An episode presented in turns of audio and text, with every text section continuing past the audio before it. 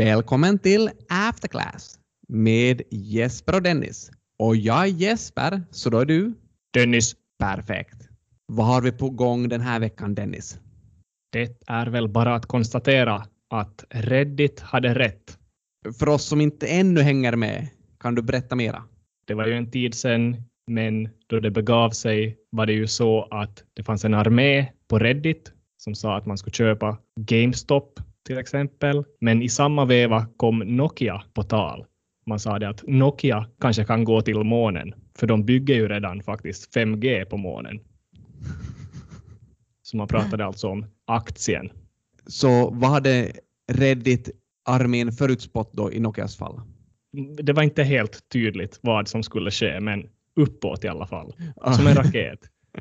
Och nu har det skett. På Q1-rapportdagen 14 procent plus.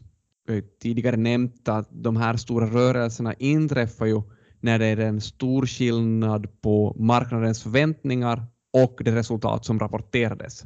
Den här gången var det rapporterade resultatet per aktie 5 cent, medan analytiker hade jobbat och grubblat väldigt hårt och funderat ut att det skulle borde vara minus 2 cent per aktie. Så mycket högre än förväntningarna. Samma gällde också omsättningen.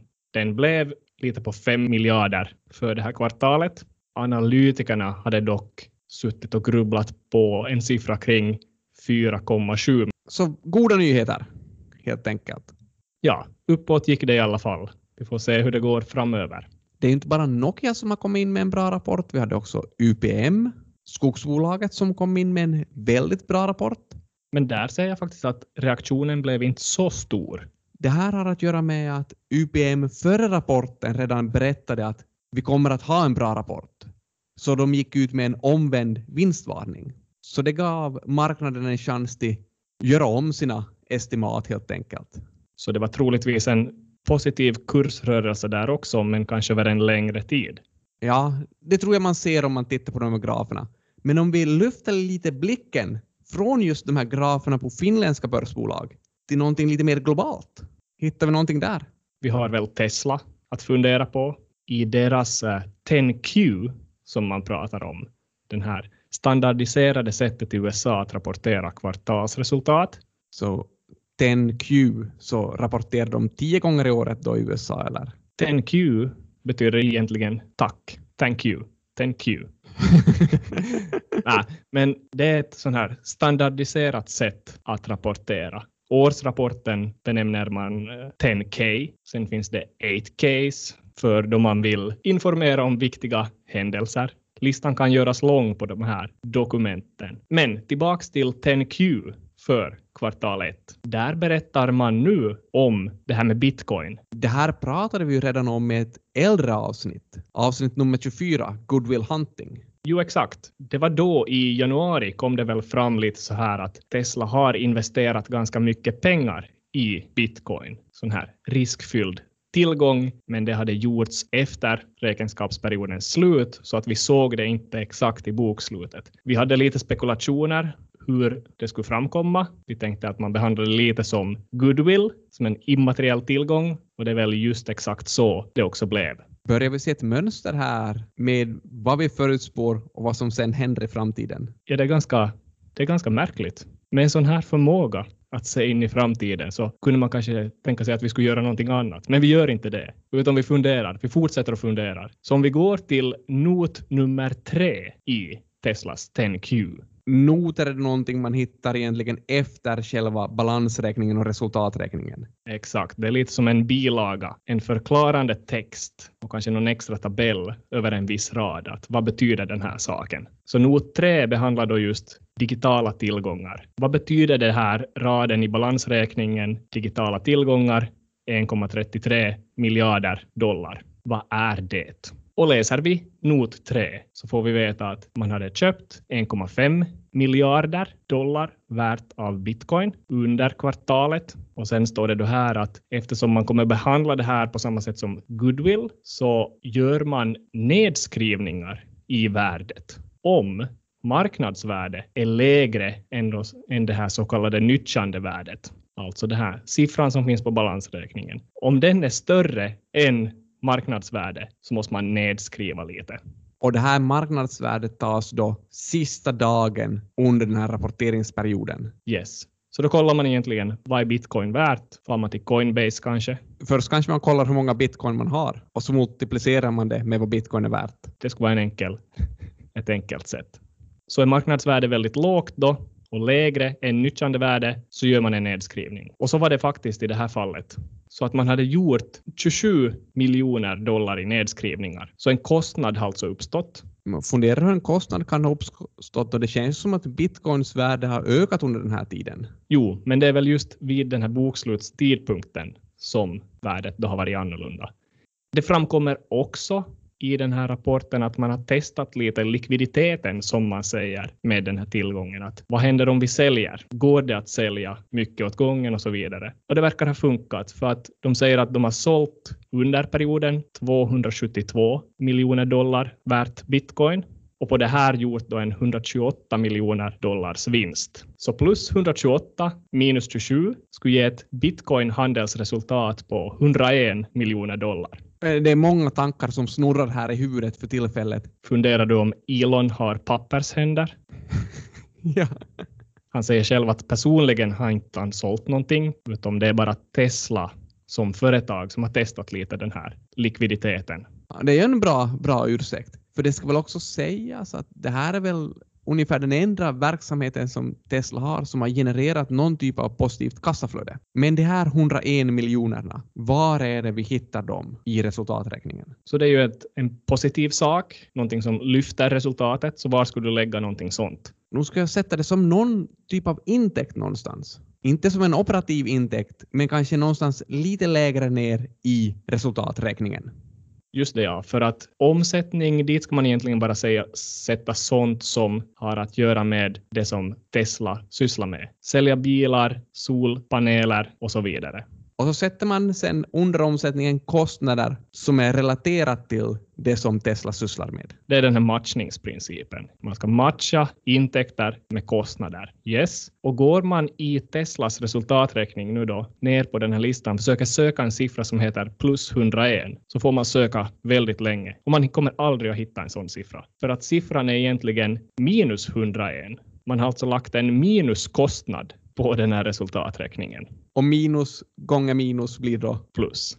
Så en minuskostnad är en intäkt. Och på den där raden så står det restructuring and other, minus 101 som kostnad, alltså plus. Det här är någonting väldigt förbryllande. Och namnet på den här posten är också väldigt konstigt. Restructuring and other. Ja, alltså om man skulle fråga tusen personer på stan, visa dem resultaträkningen och fråga var skulle vi lägga det här bitcoin-vinsten? Så jag är osäker på hur många som skulle säga restructuring and other. Men det är OK enligt redovisningsreglerna. Det framkommer också här i den här noten att sista mars så var marknadsvärde på de här bitcoin-tillgångarna nästan 2,5 miljarder dollar. Så för att summera, man hade alltså köpt för 1,5 miljarder, sen sålt bort typ 10 procent och ändå har man marknadsvärde 2,5 så om man beaktar den här investeringen i nuläget så har den varit väldigt lyckad. Jo, men redovisningsreglerna tillåter inte att man så att säga skriver upp värdet på den här tillgången. Så är det med det här US GAAP-reglerna. Skulle det här varit ett bolag i Europa som tillämpar IFRS kunde man nästan säga att det skulle ha funnits lite mera flexibilitet hur man skulle göra det där. Så där skulle man kunna i princip sätta in också någon typ av intäkt på en miljard bara på grund av att bitcoins värde har gått upp. Men då skulle det hamna i det här totalresultatet, alltså det här tillägget till resultaträkningen som på engelska oftast heter other comprehensive income. Så det skulle inte komma i den här egentliga resultaträkningen och således kanske vara oattraktivt för de flesta. Men den här miljarden som bitcoin-tillgångarna har ökat i värde med. Hur står sig det här i förhållande till Teslas vinst? Som man ser på rörelseresultatet så pratar vi om 594 miljoner plus. Och där finns då alltså bara 100 miljoner bitcoin-vinst. Så kanske man kunde säga operativt resultat efter bitcoin skulle istället för 594 vara 493 om man vill göra någon slags justering på det där. Sen är det väl också så att det 594 som du nämner här, det är väl till stor del tack vare statliga utsläppsbidrag. Så 518 av det här 594 kommer just från de här utsläppsbidragen. Jo, så är det. Tesla är ju ett väldigt miljövänligt bolag på det sättet och får de här statliga understöden och kan då i sin tur sälja understöden eller bidragen eller rättigheterna till andra tillverkare som inte är så miljövänliga. Så att du har rätt. Kunde man i så fall nästan ta 594 minus bitcoin-resultatet 101 minus de här utsläppsbidragen 518 och landa på minus 25 och säga att det är Teslas rörelseresultat. Det känns väl nästan mer rättvisande. Skulle det då vara första gången som Tesla går på förlust av de sju senaste kvartalen? Skulle man göra en sån här justering så har väl kanske inte Tesla visat så mycket vinster alls. Ser man bara på de här redovisade resultaten så kan man prata om sju positiva kvartal. Men skeptiker till Tesla pekar oftast just på sån här, det som vi har pratat om här, att justerar man för de här bidragen och nu också för bitcoin-resultatet så är det ingen vinst kvar rent operativt.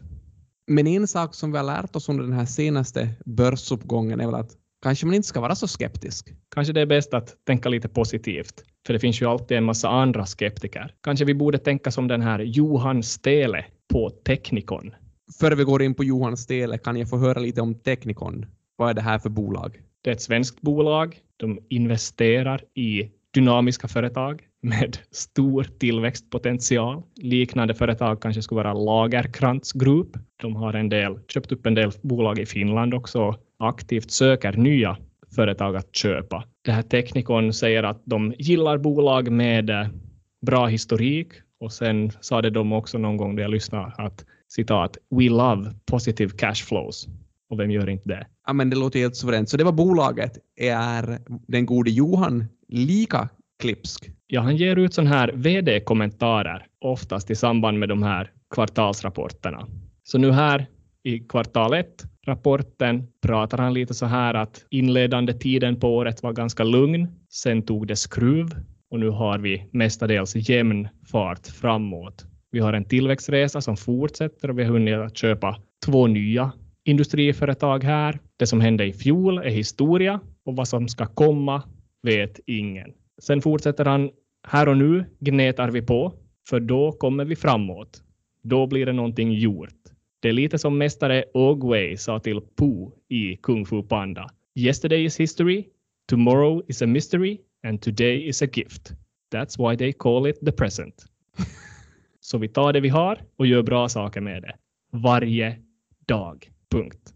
Det var Johan Steles tankar. Med de orden så kanske vi också ska skicka ut en sån här 8K eller 8K som vi pratade om tidigare. Så något viktigt meddelande? Ja, eller kanske en viktig förutspåelse. Okej, okay, låt komma. Och det är att nästa veckas avsnitt kommer att vara det sista avsnittet för den här säsongen av Afterclass med Jesper och Dennis. Så vi guidar investerarna eller lyssnarna lite här. Är det här då en positiv eller negativ vinstvarning? För våra lyssnare tror det här är en negativ vinstvarning. Men det kan finnas andra intressenter som ser det som en positiv.